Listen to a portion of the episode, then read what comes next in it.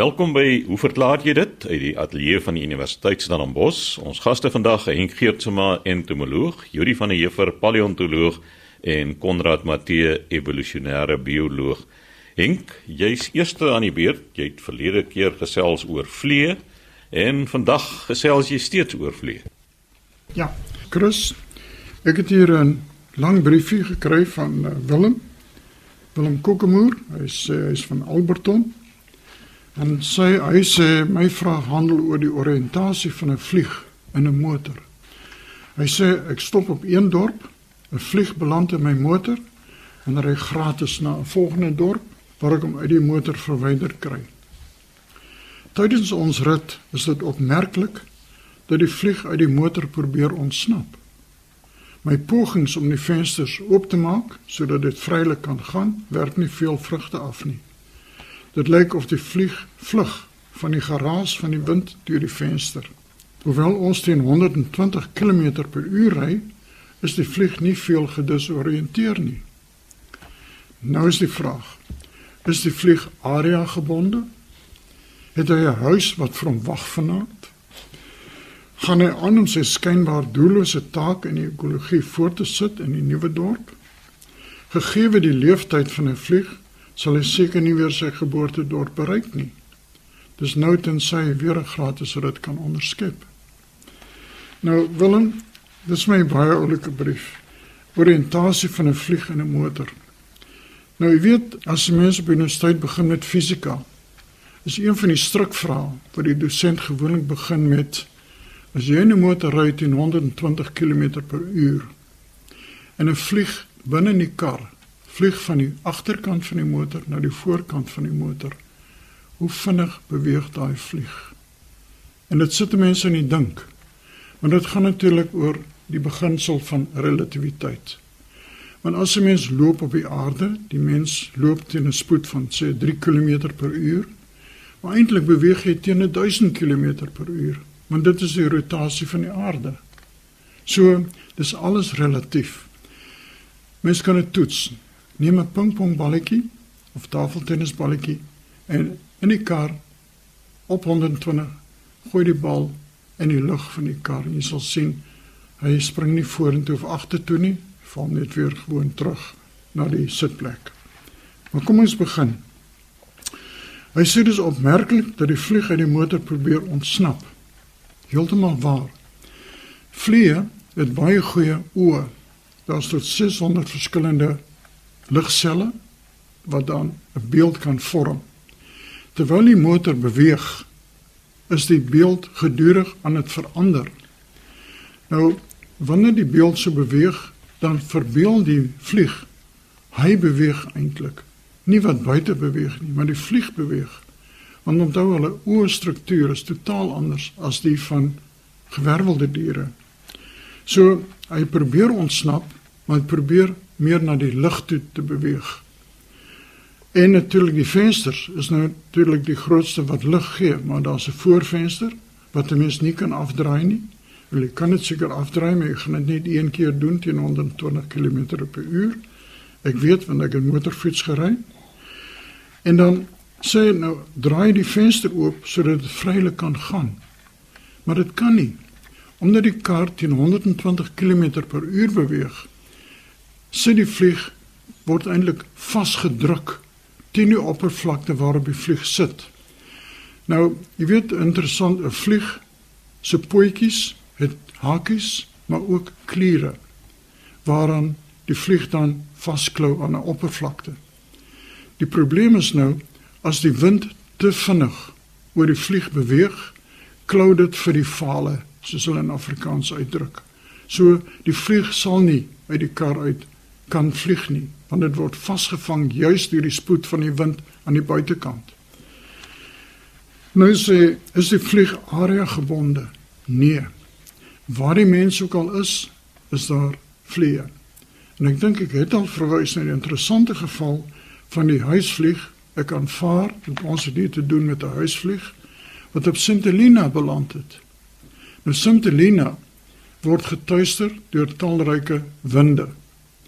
En die vlee, die huisvlee op Sint Helena eintlik huislopers genoem word. Omdat hulle vlerke het deur genetiese geskiedenis verklein geraak.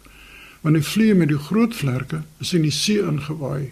Met ander woorde, die genepool vir groot vlerke is verminder en die genepool vir vliee met klein of geen vlerke nie, die het oorleef op Sint Helena. So dis eintlik huislopers wat ons daar het. Maar nou sê het hy 'n huis wat van wag vanaand. Natuurlik, vliee is mensgebonde en die mense woon in huise. So daar sal wel 'n huis vir die vlieg wees as hy ontsnap uit die kar uit. Nou sê gaan hy aan om sy skynbaar doellose taak in die ekologie voort te sit in die nuwe dorp. Nou Willem, jy raak in 'n baie interessante punt, ekologie. Sonder vliee sal ons verstik in organiese afval. So ekologies is hulle uiters nuttige diere. Mense beskou hulle as pla, sekerlik, hulle dra allerlei nare siektes oor. Maar die ding is, hy het nie 'n doellose taak in ekologie nie, dis 'n gerigte taak. En dit is my altyd interessant om te sien dat mense verwys na insekte as hy en sy. Dit is insekte hy se funksie is eintlik meer om voortplanting te verseker. Sy is die een wat al die werk doen, net soos by die mens. Dan sê gegee die leeftyd van 'n vlieg, sal hy seker nie weer sy geboortedorp bereik nie. Nou die leeftyd van 'n vlieg Willem, jy sê nie watter tyd van die jaar dit was nie, maar die leeftyd van 'n vlieg hang af van die temperatuur. Normaalweg in die somertyd leef hulle maar net 'n maand, in die wintertyd is die metabooliese aktiwiteite baie laag, kan hulle tot 3 maande leef. So hy sal nie weer sy geboortedorp bereik nie, tensy, soos hy sê, as hy weer 'n gratis rit kan onderskep. So die vliegstorie in 'n kar baie interessant. Jy kry hom nie uit gewaai as dit ware as jy teen daai spoed ry nie. As jy stadig ry, sal hy miskien wel die kar verlaat. Maar soos jy sê, as jy iets gratis kan kry, hoekom moet jy daarvoor betaal? Baie dankie Willem vir 'n interessante brief. Ek ek kan ook net daar byvoeg as jy net pogings aanwend om terwyl jy ry 'n vlieg uit die kar uit te kry, staan jy 'n baie goeie kans om jou kar om te gooi. So moet dit liewer maar nie probeer nie. Dit was dan Henk Geertsma, ons entomoloog. Nou Konrad, 'n luisteraar wil baie graag weet hoekom kry mense nie in Nieu-Seeland giftige diere nie? En die ironie is eintlik dat net langsaan in Australië het jy 'n oorvloed van giftige diere. Ja, goeiemôre Chris en luisteraars. Dit is 'n baie interessante vraag en ek wil eers dit so begin. Marius Swanepoel van Somerset Wes het langs 'n Australianer gesit op die lughawe wat toe vir haar gesê het dat die skaapvleis in Nieu-Seeland so ongelooflik sag is. En die rede vir dit is in haar woorde niks jou ooit bedreig of bang maak nie. Dis nou die skape. En as daar niks is om oor te stres nie, sal jou vleis net so sag wees. So of dit nou heeltemal waar is, weet ek nie, maar wel wat ons wel kan sê is dan vra sy die die vraag dit het haar laat dink hoekom kom daar geen ongediertes of giftigheid van enige aard voor en ek neem aan as hy van ongediertes sal praat sal dit seker die diere wees wat sal toesien dat die die skape rondhardloop en kyk of hulle wegkom so oor die algemeen soogdiere goed soos jakkalse en leeu's en hyenas ensovoorts sal seker die ongediertes wees giftigheid dis gifdiere En dit is dit is waar. In Nieu-Seeland is daar baie min gifdiere wat inheems is aan die eilande en inderwaarheid, skape is tweede op die lys van die gevaarlikste diere vir mense op die eiland. In 2013 was daar 2262 aanmeldings of eise teen die assuransie as gevolg van beesbeserings en tweede op die lys 1285 eise as gevolg van skaapbesering. So as ons praat van ongediertes is dit eintlik die skape op die eiland wat gevaarlik is vir die mense. Maar Marie, kom ons kom terug. Daar is geen slange of skorpioene en baie min insekte wat giftig is. Daar's natuurlik bye en wespes en so so sekere mense sal 'n allergiese reaksie kry vir dit. Maar daar is egter een giftige spinnekop die Katipu spinnekop, dit is 'n familie van die Latrodectus genus of hy val binne die Latrodectus genus en dis naverwant aan die knoopie spinnekoppe wat ons ook hier by ons kry.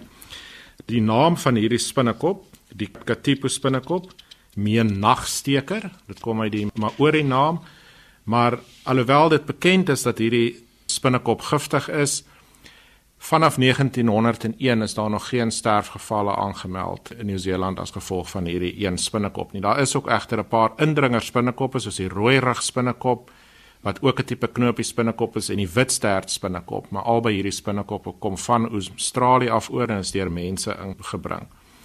Dan is daar natuurlik ook 'n hele paar giftige plante op die eiland, byvoorbeeld die kasterolieplant. Die gerugte lei as mens met 5 tot 6 sade eet van hierdie plant sal 'n mens dadelik doodgaan. Die olie moet eers geëkstraheer word van die giftige wateroplosbare resin wat in hierdie plant voorkom. Maar as mens dan kyk in die waters rondom Nieu-Seeland, as ons nou vir 'n swem gaan daar, is die diere net so giftig soos enige ander plek. So in die see van die skulpvisse en die haie selfs jellyfish haai is nie noodwendig giftig nie, maar dit is gevaarlike ongediertes wat daar voorkom. So, wat is die rede dat daar nie regtig gevaarlike diere op hierdie eiland is nie? En as mens dink vir al die wat gevaarlik dan sal wees vir die skape, dan lê die antwoord maar eintlik in die evolusionêre oorsprong van hierdie eiland. Ons noem dit die biogeografie van hierdie area.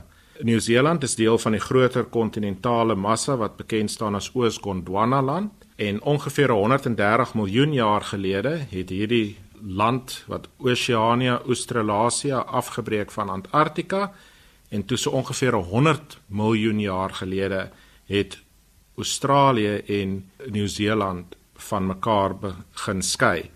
Nieu-Seeland, die mikrokontinent waarop hy voorkom, staan bekend as Zeelandia en omtrent 80% van hierdie kontinent is onder water.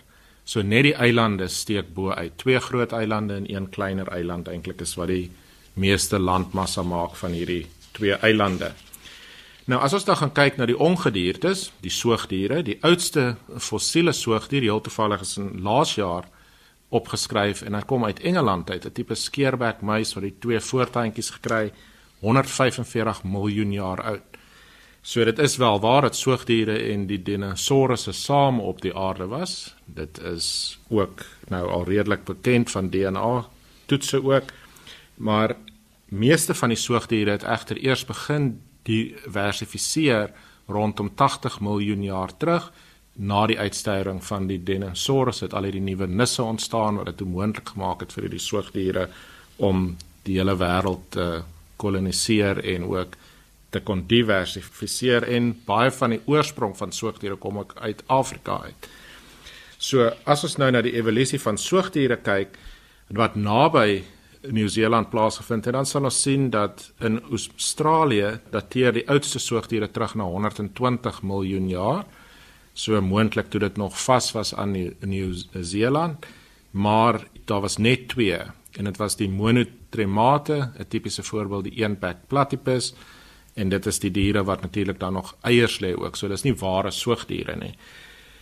En van 120 tot 105 miljoen jaar kry mens hierdie fossiele in in die rekord en dan tot en met 55 miljoen jaar terug geen soogdiere op die kontinent Australië selfs nie. So as Nieu-Seeland afgebreek het 100 miljoen jaar terug met water, was dit baie moeilik vir soogdiere om in Nieu-Seeland uit te kom. So dis die rede hoekom die ongediertes nie daar is nie meeste soogdiere wat tans daar voorkom is op hulle eie dae. Ek wil wel hier noem dat daar twee vleermuis spesies is wat inheems is aan die eiland, die kortstert vleermuis en die langstert vleermuis.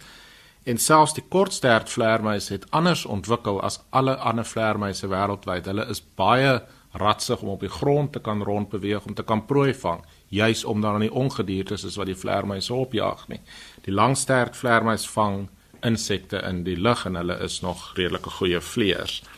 So as gevolg van die biogeografie van hierdie eilandgroepe en die unieke klimaat is dit dus vry van die ongediertes en ook gifdiere want as ons na die gifdiere kyk byvoorbeeld slange se evolusionêre oorsprong ongeveer 100 miljoen jaar terug dis toe die eilande al begin afbreek het van die eiland af maar dan een krisis wat ons het eintlik is wat van skorpioene skorpioene is 400 miljoen jaar oud En hulle dink eintlik die skorpioene het uit die see na die land toe gekom. Die oorsprong van hulle, hoe lank hulle al so giftig is, weet ons nie. Maar ons weet selfs dat die skorpioene in Australië self is nie so giftig soos byvoorbeeld die skorpioene hier by ons nie. Hulle het baie minder giftige spesies daarso. Maar as mens dan dink aan daai tipe diere, beide slange en skorpioene is wat ons noem ektoterme of koudbloedige diere. En Nieu-Seeland self was vir 'n hele paar tye onder gletsers omdat hulle so ver suidok is. So dit maak dit vir hulle baie koud. So dis 'n ongunstige habitat vir hierdie diere om daar te kan leef. So as die volgende keer 'n stukkie sagte skaapvleis eet hier van ons, dink maar aan die rustige skape wat daar aan die ander kant wys sonder die ongediertes. Konrad, ek wil dit daarom net byvoeg, ek het al by geleentheid ingevoerde skaapvleis uit Nieu-Seeland gebraai. Wat vir my opvallend is, is dat die kleur nogal donkerder is as ons Suid-Afrikaanse skaapvleis, maar ek kan nou nie onthou dat dit my getref het dat dit soveel lekkerder of sagter was nie. Ek dink 'n Karoo choppie is dalk lekkerder as Nieu-Seeland se. Dis dan Konrad Matthee, ons evolusionêre bioloog wat so gesels het. Yuri van die Heever, paleontoloog. Yuri, jy gesels oor hidrobreking. Dankie Chris. Goeiemôre almal. 'n uh, Brief van een van ons ou vriende Kas Haman van die Parel. Uh het 'n vraag oor hidrobreking in die Karoo. En hy het dit oor Shell se onlangse besluit om nie voort te gaan met sy planne om skaliegas in die Karoo te ontgin nie. Hy sê dis 'n reuse deurbraak, dis baie goed vir die Karoo. Ons is baie bly daaroor, maar dan het hy twee vrae en hy sê wat is die hoofrede waarom die Karoo-formasie soos bevind deur die nuutse navorsingsresultate nie geskik of lonend is vir skaliegas se onttrekking nie en tweedens, hoe word skaliegas in die eerste plek gevorm? In die dieper skalieformasies in teenstelling met ander fossiel brandstowwe. Nou ja, die kort antwoord op die tweede vraag kas is hierdie soort materiaal word gevorm wanneer sedimentêre rotse gevorm word wanneer daar sedimentasie is waar organiese materiaal ingesluit is in hierdie sand en modder en kleimengsel en uh, doodgewoon deur die opstapeling hiervan deur baie miljoene jare verhoog jy die druk en die temperatuur en dit verander dan die organiese materie in daai sedimente sodat jy dikwels eers die vorming van sware olies kry en dan ligte olies en dan uiteindelik gas. So dit is 'n bekende proses, maar die ander saak wat jy noem, sal ek graag so wil beantwoord deur te sê dat in November 2014 het 'n Duitse hidroloog wat met die Karoo geassosieer is, man met die naam van Stefan Kramer, voorspel dat hidrobreking in die Karoo gedoem is en hy het ses redes gegee hoekom hy dink dit is so. Ek sal nou nou daarna terugkeer. Die storie het aangegaan op 16 Maart 2015 kom Shell Suid-Afrika en onttrek hulle senior mense aan die projek en ook die algemene bestuurder Jan Willem Eggink die rede wat hulle toe gegee is is uh, die lae oliepryse en dat dit nou nie so finansiëel goed wees om hiermee voort te gaan nie. Maar toe begin die spekulasies Sunday Times blameer ons regering en hulle sê omdat die regering hulle voete sleep met die regulasies en die lisensies want voor hierdie projekte goed aangepak kan word moet dit gereguleer word dan moet lisensies uitgereik word en die regering is baie traag om hierdie werk te doen. So die Sunday Times blameer hulle nog spekulasie volg en mense sê maar is Shell nou ernstig met hierdie onttrekking of is dit 'n foefie? Probeer hulle die regering nou voor 'n ultimatum stel en te sê as julle nie nou die regte goed doen nie, dan onttrek ons. Nou in die Karoo is daar 'n besondere organisasie met die naam Treasure Karoo Action Group of terwyl TAG. Jonathan Deal is die leier van hierdie groep en hy het dit juis so gesê het gewaarsku ons moet dophou dat dit dalk nie 'n ultimatum aan die regering is van Shell nie want Shell is heeltyd by die goed betrokke. Die Franse maatskappy oliemaatskappy en petrolmaatskappy het gesê hulle bly uit hierdie hele ding van die hidrobreking uit. Die Shell wat dit nou aanvoer en firmas wat hulle nou finansier. Tag doen toe interessante ding. Hulle span saam met Afriforum om hidrobreking teen te werk en hulle maak ook geen geheim daarvan dat hulle die howe sal gebruik om enige van hierdie bewegings te probeer keer. Hoekom? Want ons het nou 'n grondwet wat die voorspoed van die bevolking en die regte van die bevolking vooropstel. So uh, as mense nou dink aan die ou regering die apartheidsregering het politici dikwels selfbesluite geneem en goed gedoen en die volk was nie eintlik geraadpleeg nie. Deesdae kan dit nie gebeur met ons grondwet nie. En dit is wat Tag en Afriforum nou op werk deur die as dit nodig is die bepalinge van die grondwet te gebruik om hulle sin te kry. Verder is hulle toe ondersteun deur iets wat die Kanadese regering gedoen het want daar word ook hidrobreking aanbeveel in Kanada en die regering het gegaan en 'n volledige uitgebreide wetenskaplike navorsingsstuk gefinansier oor hidrobreking. En uiteindelik is dit gepubliseer en hierdie verslag was uiters negatief geweest oor die praktyk van hidrobreking en die ekonomiese uh, lewensvatbaarheid daarvan. En Tag en Afriforum het die verslag in die hande gekry en dit bekend gestel in Suid-Afrika sodat die hele klomp addisionele inligting bekend geraak.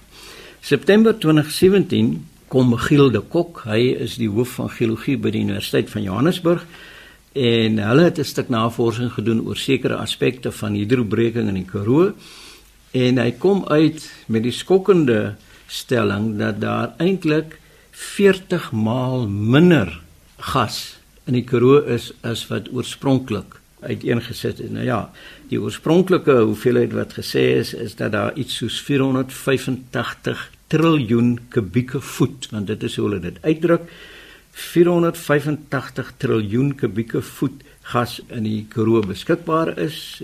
Die hoeveelheid is later 'n bietjie aangepas, maar volgens die Kok en sy manne se navorsing reken hulle dat daar eintlik maar net 13 triljoen kubieke voet gas is. Nou een van die voorstanders van die hidrobreking het opgemerk, ja, maar by Mosselbaai het ons maar 1 triljoen kubieke voet en dit is lewensvatbaar, maar die Karoo is, is heeltemal 'n ander plek.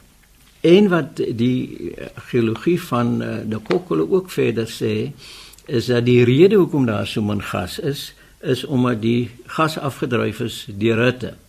Nou ons weet almal dat die Karoo bevat hierdie besondere harde vulkaniese gesteentes, basaltgesteentes, doleriet. Dikwels wanneer 'n koppie gepreserveer is in die Karoo, is dit omdat daar bo op 'n stuk doleriet lê wat moeiliker verweer as die sandstene en die en die skalies en dan kry mens daai tipiese plat uh, Karoo koppies. Nou dit is tussen die Karoo laag ondergronds ingedruk as gevolg van die Drakensberg vulkanisme miljoene, miskien 200 miljoen jaar gelede. En dit het natuurlik 'n hele klomp warmte in die Karoo ingebring. So die Kok se idee is dit kon die gas uh, afgedryf het en daar's ook 'n moontlikheid dat daar 'n regionale verhitting gewees het wat die gas verder afgedryf het en dit is hulle rede hoekom daar so min gas is. Snaaks genoeg Jan Willem Eggink uh, van Shell het in 'n toespraak hierdie inligting beamoen dat daar min gas is. Nou die ses redes wat Stefan Kramer, die Duitse hidroloog gegee het, was dat die Karoo geologie is nie geskik vir hidrobreking nie. Een van die redes, die baie doleriet, die hitte, die gasse te min en 'n baie belangrike rede wat enige Karoo boer sal verstaan, is daar se gebrek aan water in die Karoo. Water is 'n ongelooflike waardevolle hulpbron in die Karoo en om dit te gaan gebruik om hidrobreking te doen, lyk eintlik net vertiel. Daar's geen infrastruktuur in die Karoo om hierdie groot industrie te onderhou nie, want mense jy het paaie nodig en verskillende goed, uh, jy gaan groot voertuie gebruik, daar moet uh, vulstasies wees, die, die soort van ding. En die voorbeeld wat vir ons gegee is oorspronklik dat die FSA besig is met hidrobreking en dit so goed werk. Daar is bepaal dat die FSA se sogenaamde suksesvolle model is nie relevant vir die Karoo toestande nie. En die gevolg hiervan was dat die belangstelling in hidrobreking is besig om af te neem, dit raak minder winsgewend en die wêreldwye beheptheid met hidrobreking neem as gevolglik ook af. Die vyfde rede wat Kramer aangegee het is dat die wetgewing in hierdie verband is baie problematies want uh, hoe maak jy wette hieroor? Ons het 'n gebrek aan goeie regulasies. Daar is onsekerheid oor hoeveel gas daar is, hoe dit moet gereguleer word en dan baie belangrik die weerstand van die grondeienaars want hulle het hulle self georganiseer in groepe wat betoog en baie weerstandig is en dan natuurlik nog die dreigement ons gaan die howe gebruik as jy begin met hierdie storie dan gaan ons julle vasknoop in geregsdinge en dan uiteindelik die 6de punt is dan 'n baie swak investeringsomgewing om dit te doen. Boop dit het Derek Light 'n prokureur wat betrokke is by hidrobreking en wat nou daarteen gekant is, gepraat daaroor en gesê dat die tegnologie wat gebruik word in hidrobreking word toenemend betwyfel. En die planne van die olie en gasmaatskappye begin as gevolg daarvan faal as gevolg van onvolhoubaarheid en die riskante aard van sulke aktiwiteite want daar was gevalle in Amerika waar die mense hulle drinkwater allerhande goed gekry het baie negatiewe publisiteit gekry het. So kas al hierdie goed het bygedra dat Shell waarskynlik gesien het maar die kool is nie die sous werd nie en as hulle sou voortgaan hiermee gaan tag en Afriforum dinge aan hulle goed doen wat mense miskien kan opsom in die Afrikaanse idiom van tot by omdantjie in die kollerhok. So ek dink die onderliggende rede vir hierdie besluit van Shell is die feit dat en dit stem ons almal saam in die wetenskap is 'n goeie ding. Noodsaaklike inligting is versprei tot op voedselvlak. Mense kan nie besluite neem oor sekere goed as jy nie die regte inligting het nie. In hierdie geval is die inligting vrylik beskikbaar gemaak aan alle belanghebbendes en ek dink dit is die antwoord. Daar het die tyd ons ongelukkig ingehaal. Dit was dan Yuri van der Heever, ons paleontoloog.